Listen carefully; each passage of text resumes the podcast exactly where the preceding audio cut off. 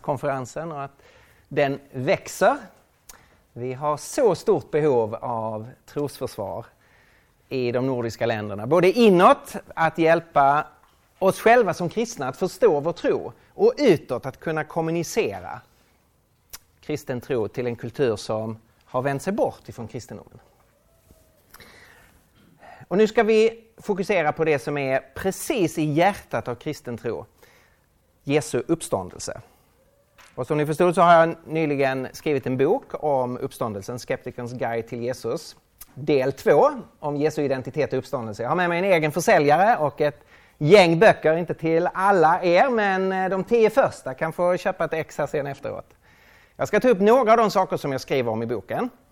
Eh, men sen finns det förstås mycket mer material i boken som jag inte hinner ta upp här.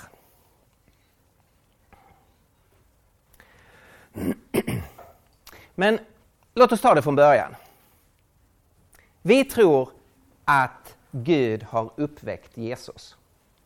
Men vad betyder uppståndelse? Det kan ju låta som en liksom, självklar fråga. Men det här behöver vi tänka igenom. Vad menar vi med att Jesus har uppstått? Vi menar inte att hans eh, själ lever vidare. Alltså vi menar inte bara att han har en fortsatt existens. Det är ju inte uppståndelse, det är ju att själen lever vidare. Vi menar ju inte reinkarnation, att Jesus dog men sen kom tillbaka i en, i en annan kropp och annan gestalt som man tror i Österlandet. Reinkarnation, att man förkroppsligas gång efter gång. Vi tror inte heller att uppståndelse är detsamma som det som Lazarus eller änkans son i Nain eller Jairi dotter var med om. Det är inte det vi tror hände med Jesus. Och det är det vanligaste kristna misstaget. Alltså vi läser ju om hur Jesus gav livet tillbaka till en 12-årig flicka som hade dött. En ung pojke som dog och hans pappa hade redan dött och det fanns en änka utanför staden Nain och Jesus gav pojken liv tillbaka. Jesu, en av Jesu nära vänner, Lazarus, hade varit död i fyra dygn. Och så gav Jesus honom livet tillbaka. Men tänk efter nu. De fick precis samma liv tillbaka som de hade haft innan och dog några år senare. Det ändrade ingenting radikalt i själva tillvaron. Kul för dem att deras död blev uppskjuten några år. Men sen dog de igen. De kom tillbaka till samma bräckliga, svaga, sjukliga, dödliga liv som de hade haft tidigare. Men det var inte det som hände med Jesus. Nya testamentet är väldigt tydligt med att Jesus kom tillbaka i förhärligad form, i odödlig form och fortfarande fullt ut kroppslig. Han har fört fram odödlighet genom sin uppståndelse. Gud förhärligade Jesus.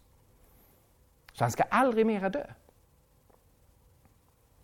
Det här innebär att uppståndelsen är en radikal uppgradering av mänskligt liv. Ni vet ehm, för telefoner och för datorer så kommer det en programvara eller man köper en telefon och så och sen kommer det en uppgradering. Ny programvara, en massa buggar är borta och massa nya funktioner har tillkommit. Det är exakt det som Gud har gjort. Han har uppgraderat mänskligt liv från alla syndens och dödens buggar. Det här är genombrottet för ett nytt sätt att vara människa, en ny existensform. Som radikalt förändrar villkoren. Så nu säger Nya Testamentet, han är den förstfödde från de döda. Den första som har fått den här nya sortens mänskligt liv. Lazarus fick det inte, Jair dotter fick det inte, änkans son i Nain fick det inte. Han är den förstfödde från de döda. Och så ska det följa många, nämligen alla som nu kopplar samman sitt liv med honom den som blir kristen, kommer långsiktigt att få samma uppgradering. Få del av samma odödliga, härliga, förhärligade, mänskliga, kroppsliga liv. Okej, okay, det är det här vi menar.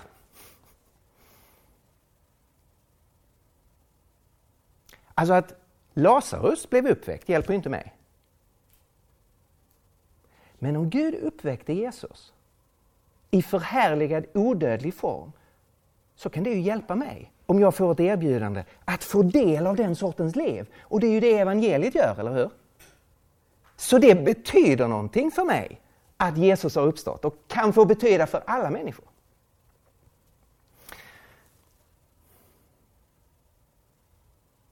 Men har det då hänt? Det är fantastiskt goda nyheter om det här är sant. Det är de bästa nyheterna ever. Men det blir ju inte sant bara för det är bra, eller hur? Så har det då hänt? Hur kan vi 2015 säga vi tror att detta är en verklig händelse och att du därför behöver koppla ihop ditt liv med den här uppståndne personen? Så du får den uppgraderingen. Mm, nu ska vi titta på några olika aspekter. Det första man måste fundera igenom är frågan om världsbild. Alltså, vad tänker vi om livet som helhet? Om det inte finns en Gud, så är det klart, då är det ingen som har uppväckt Jesus. Då är han död. Så tron på Jesu uppståndelse förutsätter att man tror på Guds existens. Så om du är ateist, så är kanske inte det första jag vill prata om Jesu uppståndelse. Nej, men då får vi prata om varför är du så tveksam till Guds existens? Och så får man ju prata om den frågan. Vad finns det för argument att tro att det existerar en Gud av evighet som har skapat den här världen? För om Gud inte finns, då finns det ingen uppståndelse.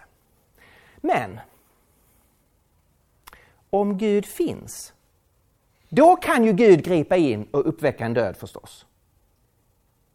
Det ligger ju i sakens natur. Kan Gud skapa det här enorma universumet? Om Gud kan låta liv uppstå på den här jorden, det är klart att Gud kan uppväcka en död.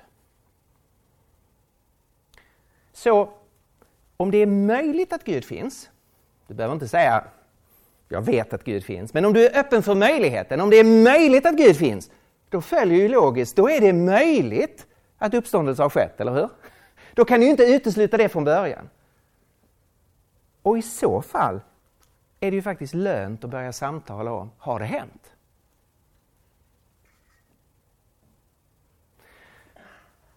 Låt oss säga att vi, vi accepterar det är möjligt att det finns en Gud. Och i så fall är det möjligt att uppståndelsen har skett.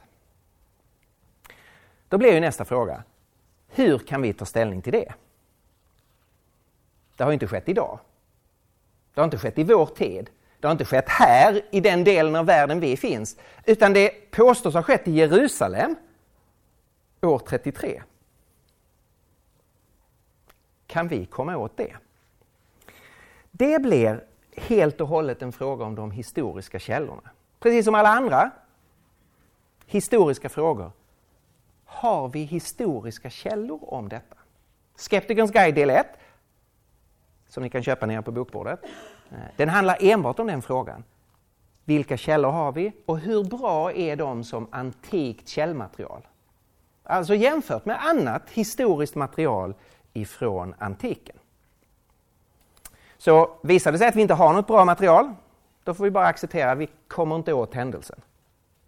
Men om det är så att vi har ett tillräckligt bra material, alltså ett material som är på nivå med annat historiskt material från antiken, då blir det ju möjligt att börja undersöka. Och nu har jag inte tid att ge argument för detta, jag kommer bara utgå från att Nya Testamentet, inte att det är Guds ord eller är sant i allt som det påstår, utan bara låt oss betrakta det här som antikt material. Precis som vi betraktar Josefus och Tacitus och annat material från antiken. Och det finns det faktiskt goda skäl att göra. Och vill du ha de skälen får du köpa del 1. Okej. Okay. Låt oss säga det är möjligt att det finns en Gud. Låt oss säga vi har tillräckligt bra material för att det ska vara meningsfullt att börja undersöka. Vad har vi då för fakta att tillgå? Och nu ska vi börja jobba. Historiker, oavsett om de är kristna eller ateister eller agnostiker, de säger det viktigaste faktamaterialet, det som måste bli utgångspunkten, det är en text som Paulus skrev. Vi finner den i första Korintierbrevet, alltså ett brev från antiken, från en välkänd person som alla är överens om har existerat, Paulus. Alla forskare är överens, han har skrivit det här brevet. Och i det brevet som han skriver runt år 55 så skriver han något väldigt intressant. Han säger så här. Bland det första jag förde vidare till er var detta som jag själv hade tagit emot, kolon. Alltså, han säger, ni kommer ihåg när jag kom till er första gången? För det här är ju ett brev där han liksom, kommer ihåg när jag kom till er? Då gav jag er det, inte som jag hade hittat på eller formulerat, utan det som jag hade tagit emot av de som var kristna före mig. Och så kommer han nu att repetera, vad var det som var hans ursprungliga budskap? Nu blev forskare jätteintresserade. Var, var fick Paulus tag på det här budskapet? Vad var det för budskap som han hade tagit emot och sen gav vidare? Eh, det budskapet har vi goda argument för att säga att Paulus tog emot tre år efter sin omvändelse i Jerusalem. Han berättar nämligen i Galaterbrevet att han tre år efter sin omvändelse, Jesus avrättades år 33, Paulus blev en kristen 34 eller 35. Tre år senare, 36, 37, 38, så 37 eller 38 besöker Paulus Jerusalem. Han träffar Petrus och han träffar Herrens bror Jakob. Detta kan ni läsa om i Galaterbrevets första kapitel. Det är där han har tagit emot det här budskapet. Och nu blir historiker intresserade. Det budskapet går ju då tillbaka till 30-talet. Vi kan veta vad de kristna har sagt på 30-talet. Det är spännande.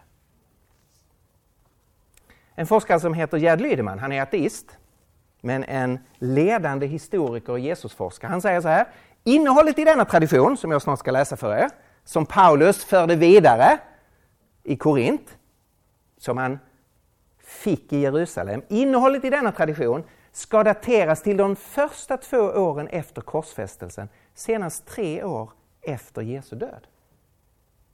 Så det här är ingen kristen uppfattning. Ateistiska historiker säger här är vi tillbaka till mitten av 30-talet. Okej. Okay. Vad är den traditionen? Jo, den är så här. Och här kommer det som Paulus hade tagit emot. Att Kristus dog för våra synder i enlighet med skrifterna. Att han blev begravd. Att han uppstod på tredje dagen i enlighet med skrifterna och att han visade sig för Kefas, Petrus, och sedan för de tolv. Därefter visade han sig för mer än 500 bröder vid ett och samma tillfälle. De flesta är ännu i livet, men några har avlidit. Därefter visade han sig för Jakob och sedan för alla apostlarna. Allra sist visade han sig också för mig, alltså för Paulus. Alltså, den urkristna tron består av fyra grundläggande påståenden om vad som hände med Jesus. Att han dog. Att han blev begravd. Att han uppstod igen och att han visade sig. Och sen en lista på vilka han visade sig för.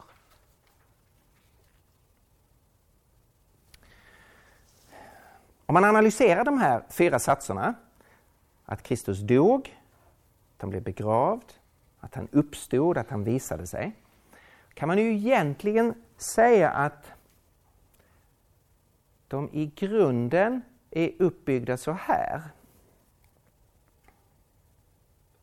Att det är två påståenden. Att Kristus dog för våra synder i enlighet med skrifterna. Och sen att han uppstod på den tredje dagen i enlighet med skrifterna. Så han dog och han uppstod, det är de två grundpåståendena. Och sen är det två bevis. Han dog. Ja, han var verkligen död. Hans vänner begravde honom. Han låg i graven fredag, lördag. Han var verkligen död. Det är de döda man begraver, inte avsvimmade, inte medvetslösa, inte sargade personer. Det är de döda. Han dog. Ja, han var verkligen död, så man begravde honom. Men han uppstod! Och så kommer ju beviset. Han visade sig. Och så kommer en redigerad lista med tre individer och tre grupper. Han visade sig för Petrus. Han visade sig för Jakob, han visade sig för Paulus. De tre tyngsta gestalterna i den kristna rörelsen. De är störst liksom auktoritet och tyngd. Och sen visade han sig för tre grupper av människor. För de tolv, för alla apostlarna, en lite större grupp. Och sen vid ett tillfälle för mer än 500 vid ett och samma tillfälle. Och fortfarande 20 år senare när Paulus skriver det så lägger han till, och de flesta lever ju fortfarande. Ja, det är klart några har dött, för så är det. 500 personer under 20 år, då är det några som dör. Så han visar sig för tre individer och tre stora grupper. Sen vet vi från evangelierna att han visade sig för ytterligare personer. Så här är de grundläggande kristna påståendena. Han dog och han blev begravd. Han uppstod och han visade sig. Låt oss titta på dem. Vad kan man nu historiskt veta? Så här långt har ju inte bevisat att någonting är sant. Det man kan säga är så här. Detta har de kristna påstått sedan 30-talet i Jerusalem. Det här är inget som kyrkan har hittat på. Det är inget som eh, har kommit till vid Nicea-mötet eller eh, liksom... Det här är ingenting som Paulus har hittat på. Det här var det han tog emot på 30-talet i Jerusalem. Och det här bygger hela den kristna tron på. Vad kan vi då säga om de här fyra påståendena? Vad säger historiker? Första påståendet, han, är död, han dog. Gerd Liedemann igen, ateist, tror inte på uppståndelse. Jesu död som en konsekvens av korsfästelsen är odiskutabel. Det är ett historiskt faktum. Jesus avrättades genom korsfästelse och fredag kväll var Jesu död. Det ifrågasätts inte. Andra påståendet, att han blev begravd. Craig Evans är en annan ledande Jesusforskare. Han säger så här. En undersökning av judiska begravningsmetoder, av historiska dokument från senantiken och arkeologiska data ger mer än tillräckliga skäl, grunder, att betrakta berättelserna i Nya testamentets evangelier som välinformerade, trovärdiga historiska vittnen. Begravningen av Jesus, så som evangelierna beskriver den, är en historisk händelse, inte någon legend eller bluff. Okej? Okay? Så historiskt kan vi säga man begravde Jesus. Jesus dog fredag, fredag kväll begravs Jesus. Och så finns den döda kroppen efter Jesus av Nasaret i en grav. Det tredje påståendet är ju att han uppstod. Men det är ju lite det vi ska undersöka om det är sant. Men uppståndelsen förutsätter ju i så fall om den har hänt att graven var tom, att kroppen var borta. Och nu kommer nästa intressanta steg här. Här är en historiker, han har skrivit en bok som heter En Historians Review of the Gospels. Michael Grant heter han. Han säger historikern kan inte på ett försvarbart sätt förneka den tomma graven.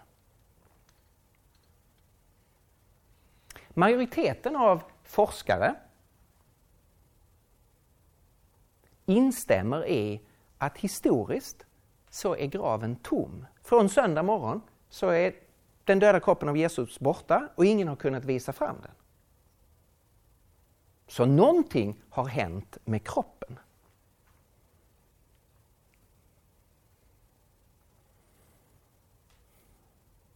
Och sen var det detta att Jesus visade sig. Gerd Lydeman igen.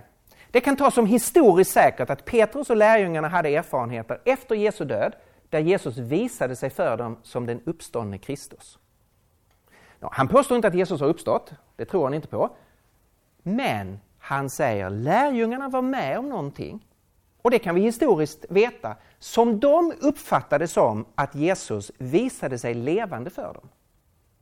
Någonting händer med lärjungarna från söndag och ett antal veckor framåt, där de gör erfarenheter som de tolkar som att Jesus är levande.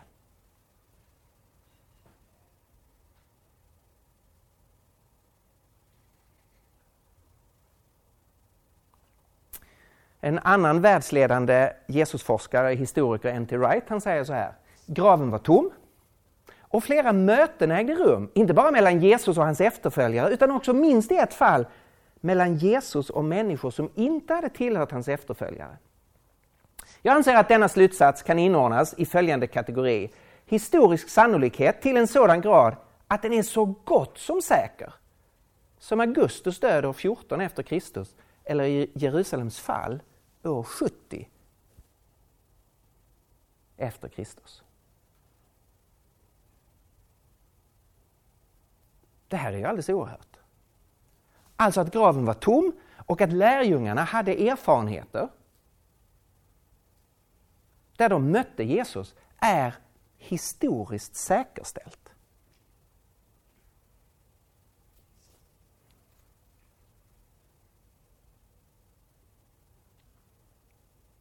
Det här är ju väldigt spännande.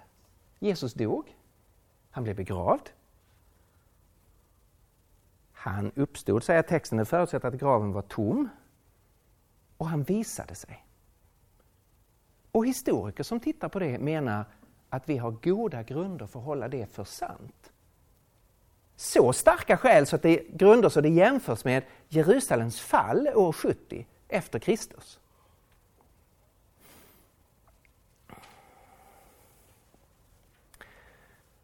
Låt oss gå vidare på den här sista punkten, att Jesus visade sig.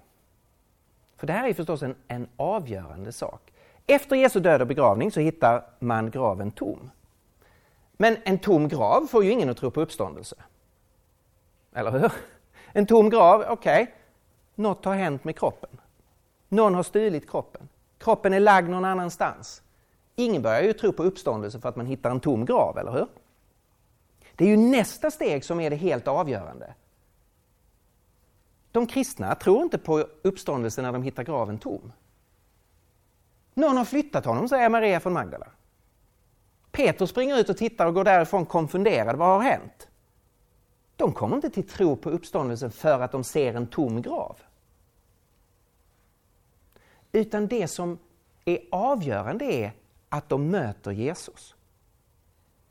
Och historiker är då överens om, ja, någonting hände som de tolkade som att de mötte Jesus. Låt oss titta på det. Det första man slås av är han visade sig för ett mycket stort antal människor. Börja med att han visade sig för Maria från Magdala, men sen för fler och fler och till slut vid ett tillfälle 500. Det är gigantiskt mycket. I en domstol, om du har ett vittne, mm, då hänger det lite i luften. Har du två eller tre, ja då är det ett ganska säkert case. Behöver inte fler. Har du fem eller tio, case closed.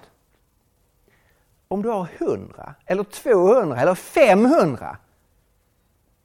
Alltså det är väldigt många människor. Och det är alldeles uppenbart att de här människorna finns. Paulus kan inte hitta på det och säga han visade sig för 500, de flesta lever ännu kvar. Det är ju en inbjudan för att åka ut och intervjua dem, eller hur? Det där kan man ju bara säga om de verkligen finns. Så han visade sig för ett mycket stort antal människor. Och nu kommer en avgörande punkt. Eh, innan jag började studera det här för en massa år sedan så föreställde jag mig nog att de hade en andlig vision. Alltså att de hade sett Jesus och så försvann visionen. Men det de vittnar om är inte en andlig vision utan att han visade sig mycket konkret, fysiskt, faktiskt, under lång tid. står om kvinnorna som möter honom i trädgården, att de griper om hans fötter. Det står om Thomas, att Jesus själv sträcker fram handen. Se, ta på mig, känn. Jesus själv har tänt en eld och grillat fisk och bjuder lärjungarna på frukost vid Genesarets sjö. Det är ingen syn. Du har aldrig blivit mätt av att ha haft en syn, eller hur? Det är inte så att du vaknar på morgonen efter en dröm där du har drömt om världens festmåltid och så känner du, oh, väldigt vad jag är mätt. Jag drömde om den här middagen. Det finns ju ingen koppling, eller hur? Han bjuder dem på frukost. De blir feta av fingrarna av fisk, sotiga eftersom det är grillat. Det är så det beskrivs. Alltså, det beskrivs inte att de får sot på fingrarna, men det beskrivs att det är en alldeles vanlig morgon. Jesus har tänt en eld på stranden. De drar upp båten, de sätter sig där runt elden. De äter, de pratar. Så konkret är det. De kunde nypa sig i skinnet, är jag vaken? De kunde prata med varandra.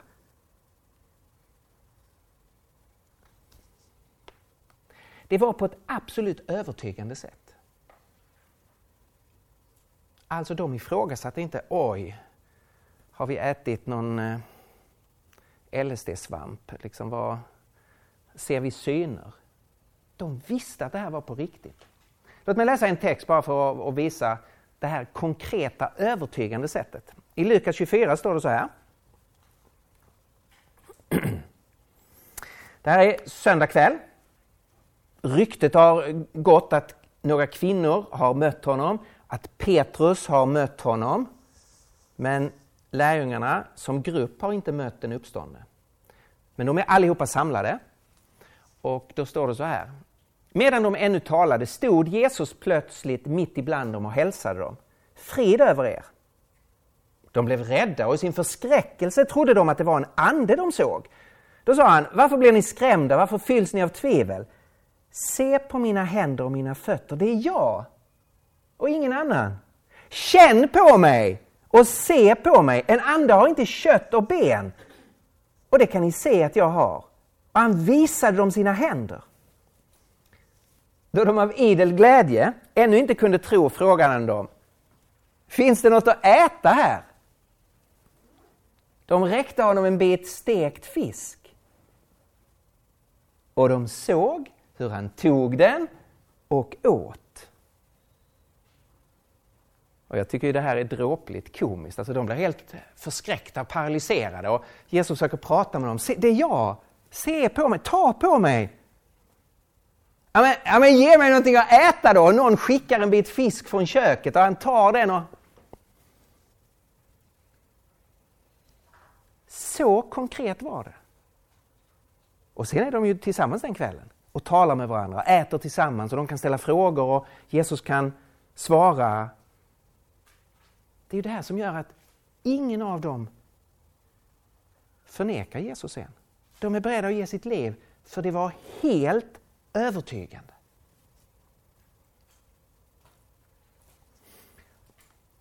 Då är det en del som säger så här, ja, men varför visade sig Jesus inte för skeptiker och kritiker? Varför visade han sig bara för sina lärjungar? Mm. Det är en bra fråga. Låt oss tänka efter här. Hur skulle du beskriva följande personer? Vilka ord skulle du vilja använda om följande personer?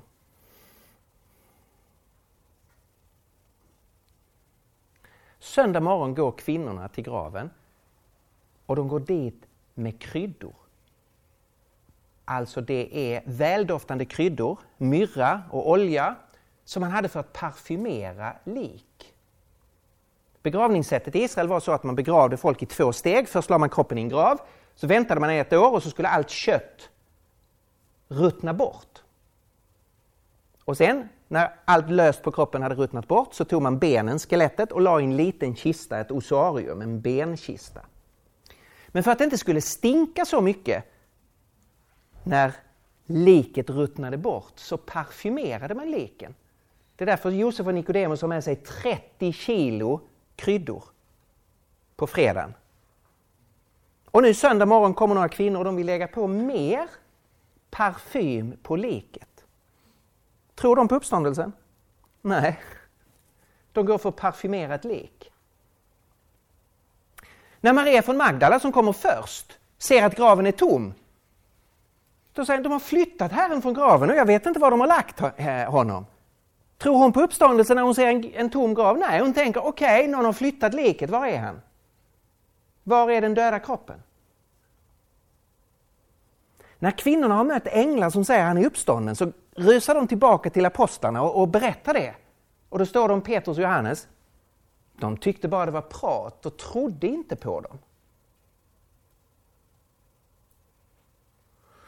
Två av Jesu vänner, Kleopas och en icke namngiven person, de får höra att graven är tom, eh, att några kvinnor har eh, mött änglar. De väljer ändå att lämna Jerusalem för att gå hem till Emaus. De går där i sorg och de uttrycker det som att tron på Jesus är över. Vi hoppades att han skulle vara, fast det har visat sig att han var det inte, för han är död. När Thomas får höra, för han är inte med första kvällen när Jesus visar sig, får höra de andra berätta Herren, är, Herren har visat sig, han är levande. Så står det, om jag inte själv får se och ta på honom tror jag det aldrig. Jakob, Jesu bror, trodde inte på Jesus före uppståndelsen. Paulus rasade av mordlust mot de kristna och gjorde allt han kunde för att stoppa tron på den uppståndne Jesus. Men ni fattar vad jag vill komma åt, eller hur? Det är ju bara skeptiker och kritiker och tvivlare. Allihopa. Det är ingen som förväntar sig att Jesus skulle uppstå. Och det är för sådana han visar sig. Notera särskilt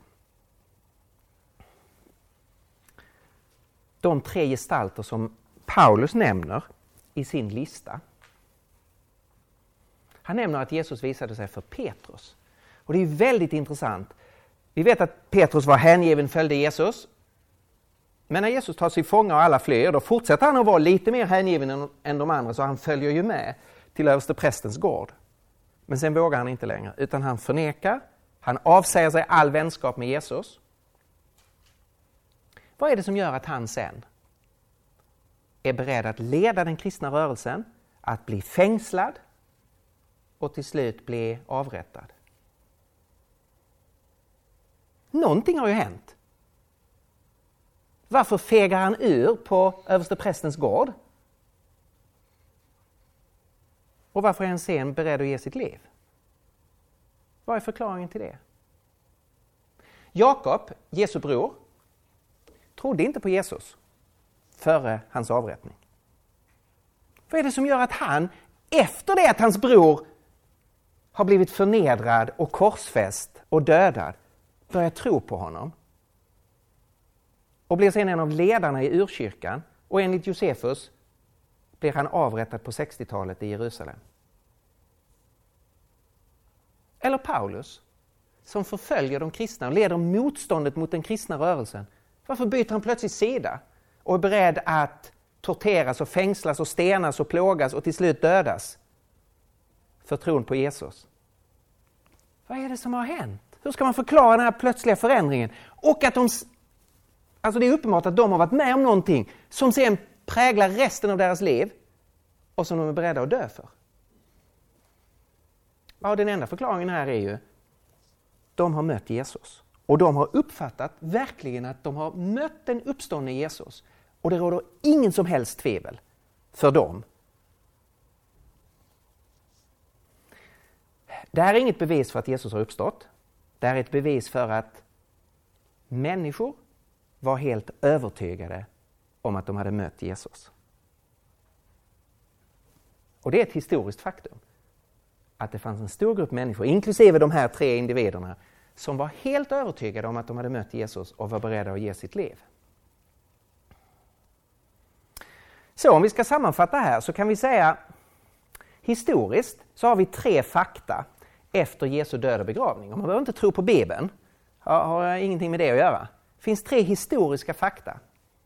Graven var tom och kroppen var borta. Många människor påstod att de hade mött Jesus uppstånden. Och de mötena förvandlade de människorna och gjorde att den kristna kyrkan växte fram. Det här är historiska fakta. Och då är frågan förstås, vad är förklaringen? Vad är förklaringen till att graven var tom och kroppen är borta? Vad är förklaringen till de upplevelser som så många människor hade? Vad är förklaringen till att de upplevelsen var så liksom livsförvandlande? Att de började leva på ett helt nytt sätt och var beredda att dö för det. Det här är tre fakta en historiker måste förklara. Det här är inte omdiskuterat. Det här håller så att säga Gerd Lydeman med om som är ateist. Men nu är frågan, vad är förklaringen? Det som sker då i, i, i historiska sammanhang, det är att man börjar ställa upp hypoteser. Då har vi ett antal fakta. Vad är bästa hypotesen som kan förklara de här fakta? Och hypoteserna har vi haft ända från början. Man möter dem i, eh, alla hypoteser möter man i evangelierna. Alla alternativ är kända. Några har tänkt, ja men tänk om han inte var riktigt död. Han kanske bara var skendöd. Och kvicknade till och lyckades lura i folk att han var uppstånden. Pilatus, när Nikodemus kommer och frågar eh, kan jag få ta hand om liket efter Jesus? Så vill han verkligen säkerställa, sig, säkerställa att han inte går på en bluff här. Alltså att det, det här inte är de kristna sätt att försöka rädda Jesus innan han har dött. Nikodemus var ju en i Sanhedrin, i det styrande rådet i Jerusalem. Det är därför han kan få audiens hos Pilatus. Så han var ju mycket en av de ledande judarna. Så han går till Pilatus och säger Jesus som du dömde till döden är nu avrättad och död. Får vi ta hand om liket och åtminstone ge vår vän en begravning? Då får de inte det. Utan Pilatus blev förvånad över att Jesus redan hade dött. Och därför vågar han inte ge tillåtelse att de ska få ta liket. Han kallade till sig officeren och frågade om Jesus verkligen var död. Så den ansvariga officeren för avrättningen får avlämna rapport hos Pilatus. När Pilatus fick veta av officeren att Jesus var död så sa han ja, okej, okay, ta liket. Så, så den här frågan har ju varit uppe så att säga. Var Jesus skendöd? Och Pilatus konstaterade det var han inte. Mina soldater vet hur man tar koll på folk. Kanske de gick till fel grav, kvinnorna. Ja, det är precis vad Maria Magdalena, hennes första tankegång när hon hittar graven tom.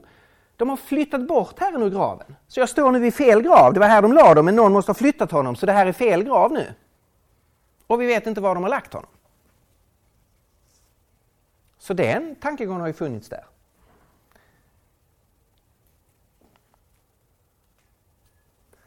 Kanske det är någon som har stulit kroppen. Ja, det är vad de kristna anklagas för direkt.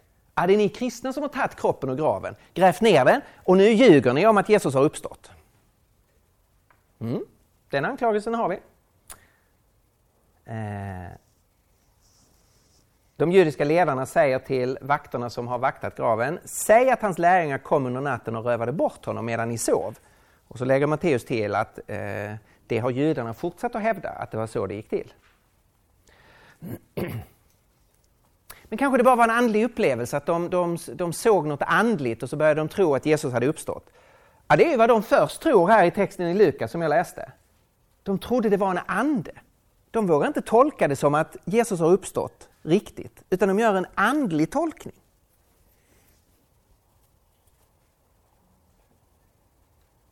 Och så finns det det kristna alternativet förstås. Herren har verkligen blivit uppväckt och han har visat sig för Simon.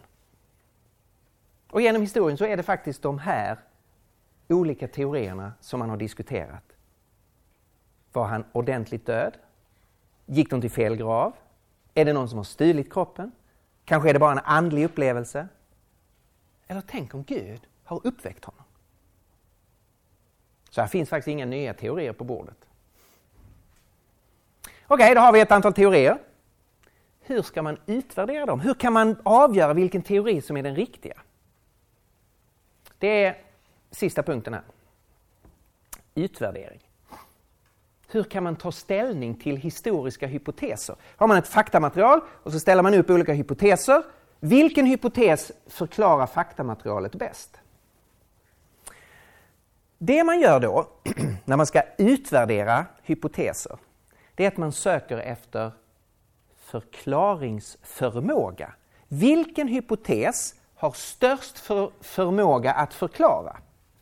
Och det brukar man sedan dela upp i två underavdelningar. Förklaringsomfång, alltså hur många fakta förklaras. Och ju fler fakta som förklaras desto bättre. Omfånget av förklaringen. Och förklaringskraft. Hur bra förklaring är det? Hur rimlig? Hur vettig, hur stark förklaring är det? Så det är det här man får resonera kring, förklaringsförmåga.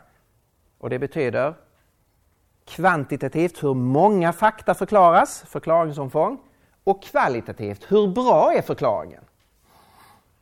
Vilken förklaringskraft har den? Det finns en, eh, finns en amerikansk eh, apologet som heter eh, Wallish, eh, Wallich som, eh, Wallis heter han, sorry, Wallis.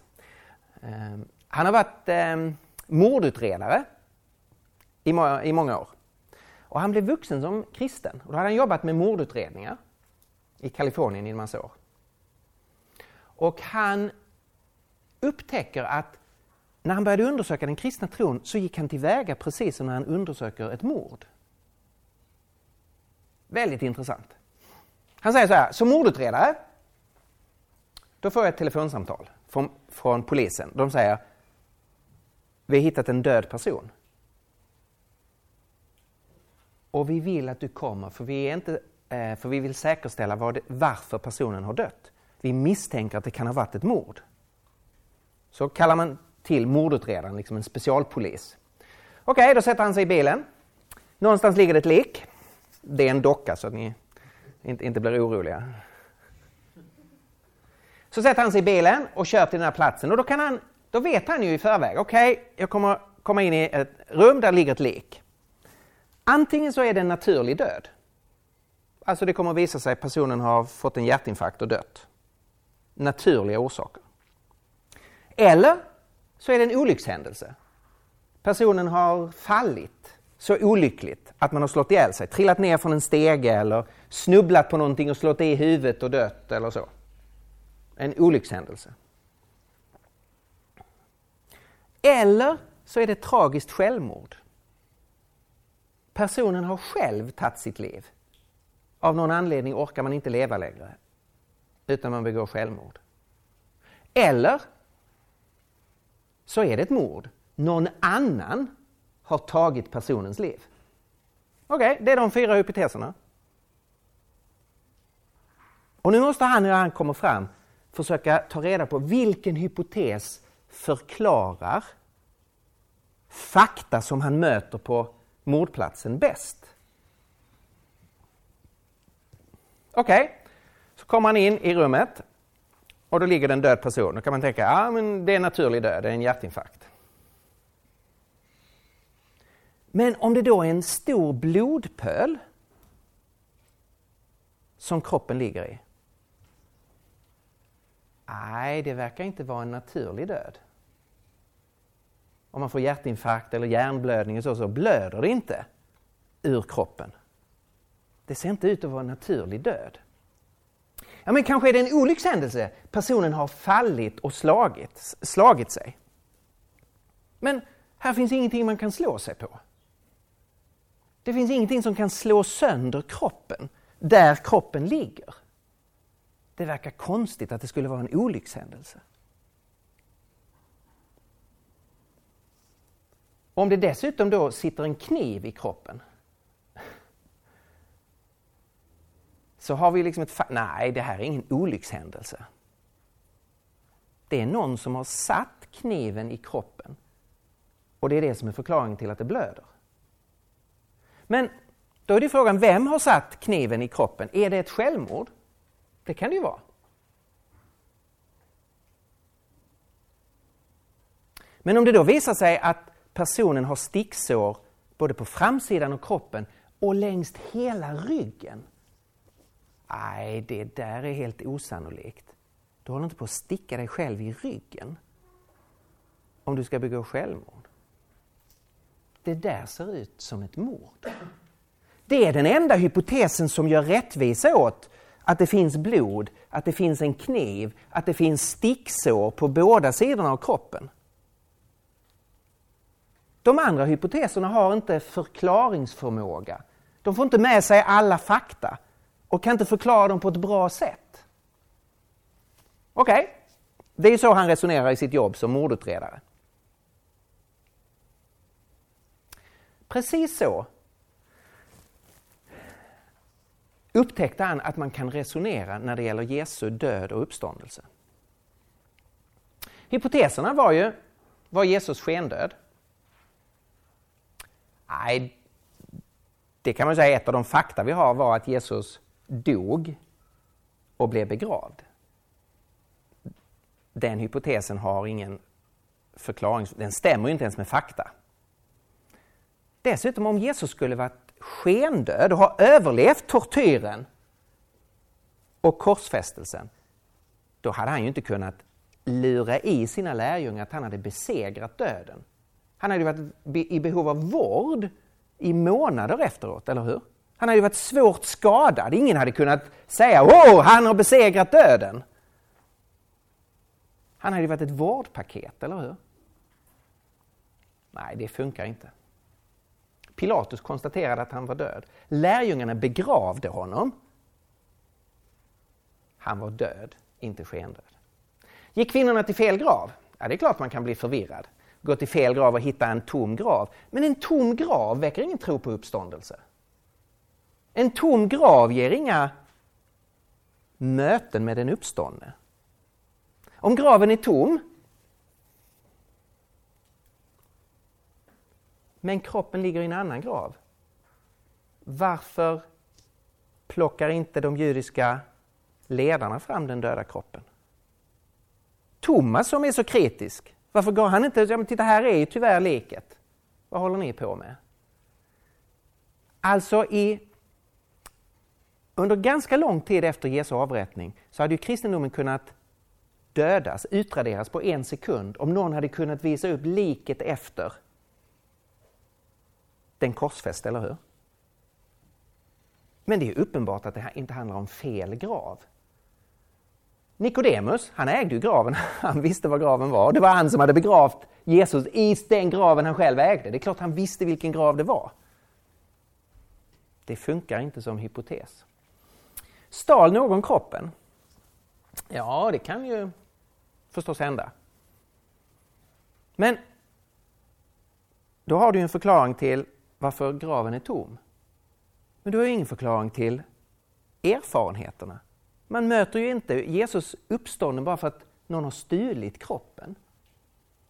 Man blir inte förvandlad för att någon stjäl den döda kroppen. Vanligaste varianten här är ju att man säger att det är de kristna som tog kroppen och grävde ner den och så ljuger de om uppståndelsen. Men varför skulle de göra det? Vad är motivet? När vi ljuger så gör vi ju det för att vinna någonting. Vad vinner de på att säga att Jesus har uppstått? De blev förföljda, de blev dödade, de blev kastade i fängelse, de blev föraktade. Det finns inget motiv för lärjungarna att stjäla kroppen, gräva ner den och sen plötsligt bli förvandlade av det och vara beredda att dö för någonting de själva vet är lögn. Man kan dö för en massa falska saker om man själv tror det är sant. Alltså muslimska självmordsbombare, de är ju helt övertygade om att de kommer lida en sekund när bomben sprängs och sen är de omedelbart i paradiset och får njuta i evighet. Och det är därför de gör det. Och de är fullt övertygade om det. Det är en falsk tro, men man kan inte ifrågasätta deras övertygelse. De dör för att de tror på det. Och det är alldeles uppenbart att de kristna trodde att Jesus var uppstånden. Och det trodde de ju inte om de själva har stulit kroppen och grävt ner, grävt ner den, eller hur? Då vet de ju att det här inte är sant. Och det man vet är en lögn dör man inte för. Verkligheten bland historiker så är det ingen av de här tre hypoteserna som man diskuterar på allvar. De är för svaga, de är för dåliga. Den hypotes som är den vanligaste idag, det är att det var en andlig erfarenhet. Lärjungarna hallucinerade. Det är någonting i människans psyke som framkallade de här visionerna och som får lärjungarna att tro att Jesus har uppstått. Det är huvudhypotesen tillsammans med den kristna hypotesen att Gud har uppväckt Jesus. Så låt oss titta på hallucinationshypotesen. Det är den idag vanligaste hypotesen. Man ger en, för, en psykologisk förklaring. Människor hallucinerar. Och det är ganska vanligt, alltså 10% av befolkningen ungefär hallucinerar någon gång i sitt liv. Det gör man eh, ifall man blir totalt utmattad fysiskt. Eller om man hamnar i extrem stresssituation. Eller om man tar droger. Så kan man hallucinera. Så det är relativt vanligt. Men är det en bra förklaring på vad lärjungarna var med om? Om vi börjar med förklaringsomfång, hur många fakta förklarar hallucinationshypotesen? Alltså, då har vi en förklaring till mötena med Jesus. Förklaringen är de hallucinerade. Men man har ingen förklaring till vad kroppen är. Om det här var hallucinationer, då finns ju den döda kroppen någonstans. Den här hypotesen säger ingenting om det faktat. Och för det andra, varför förändrades de? 10 av befolkningen har hallucinationer. Man förändras inte ett dugg av det. Man vet om det. här. Jag hade en hallucination. Jag såg något som inte är verkligt. Man är likadan före hallucinationen som efter hallucinationen. De, det är inte genomgripande förändringsprocesser som man är beredd att dö för. Så man har ingen förklaring till förändringen. Alltså hypotesen har dåligt förklaringsomfång. Och hur är det med förklaringskraften? Den säger ingenting om vad kroppen tog vägen, säger ingenting om förändringen. Den kan förklara ett fakta. Men hur bra förklarar den mötena med den uppståndne?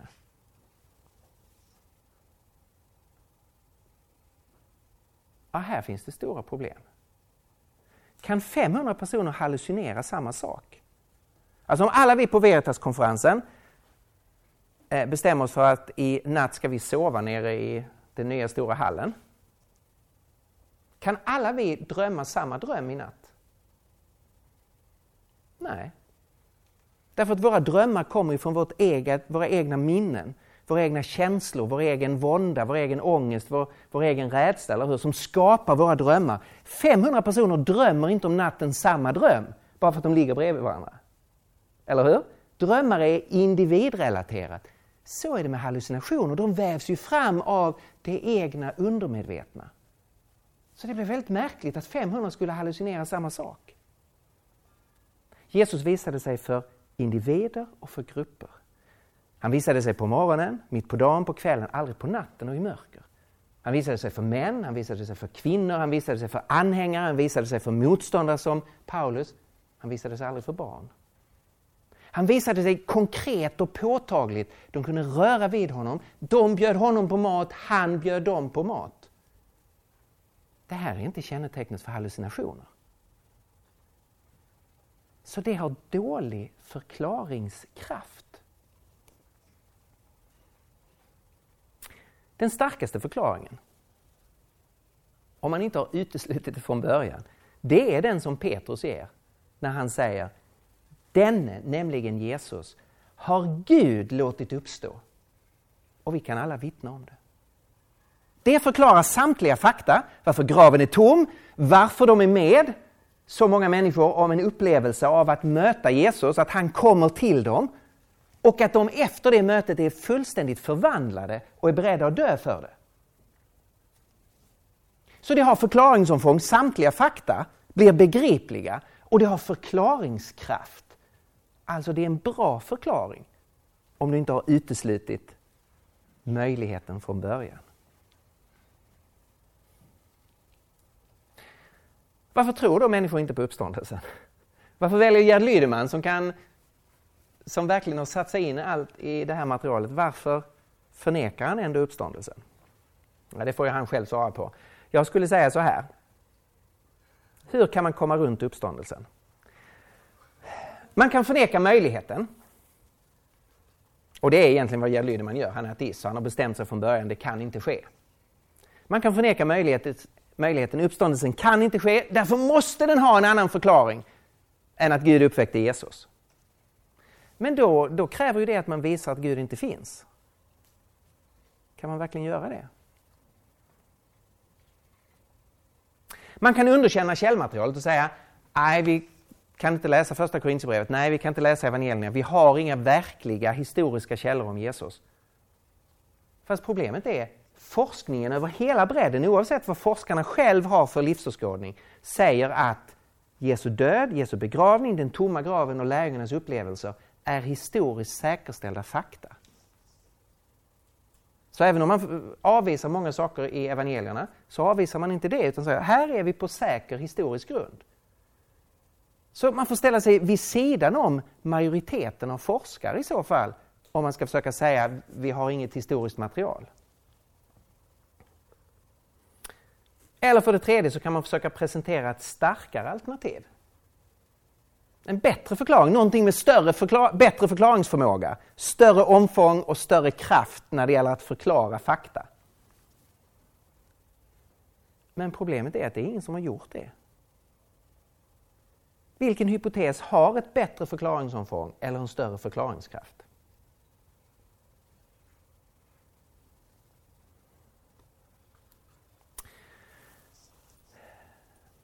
Det här var en snabb översikt över ett stort material.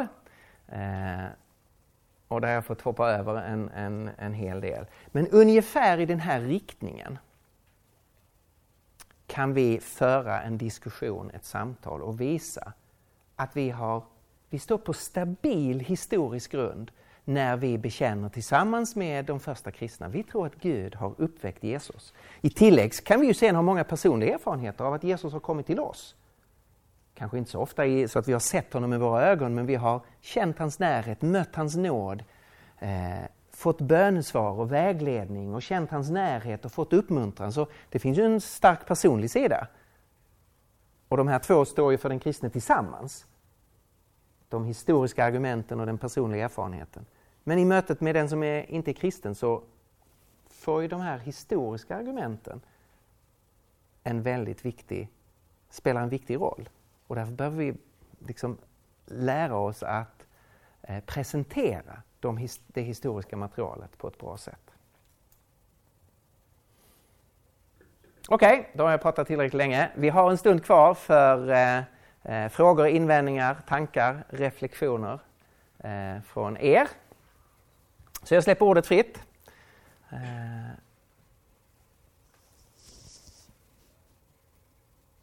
för frågor?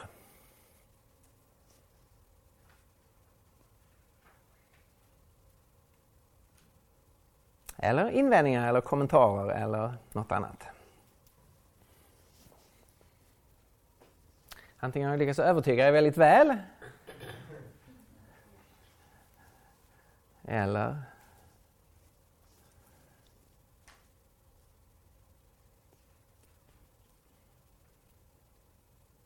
Då skulle jag föreslå att vi gör så här, eh, för det kan komma lite överrumplande. Hitta någon trevlig person i din närhet. Alltså, vänd dig till någon du sitter nära.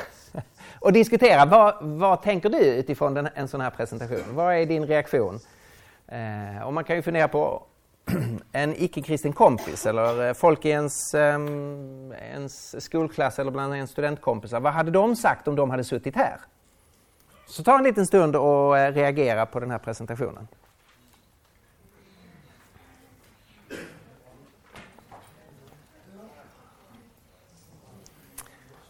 Och sen ska ni alldeles strax för kunna köpa böcker, ska ni få en chans till det.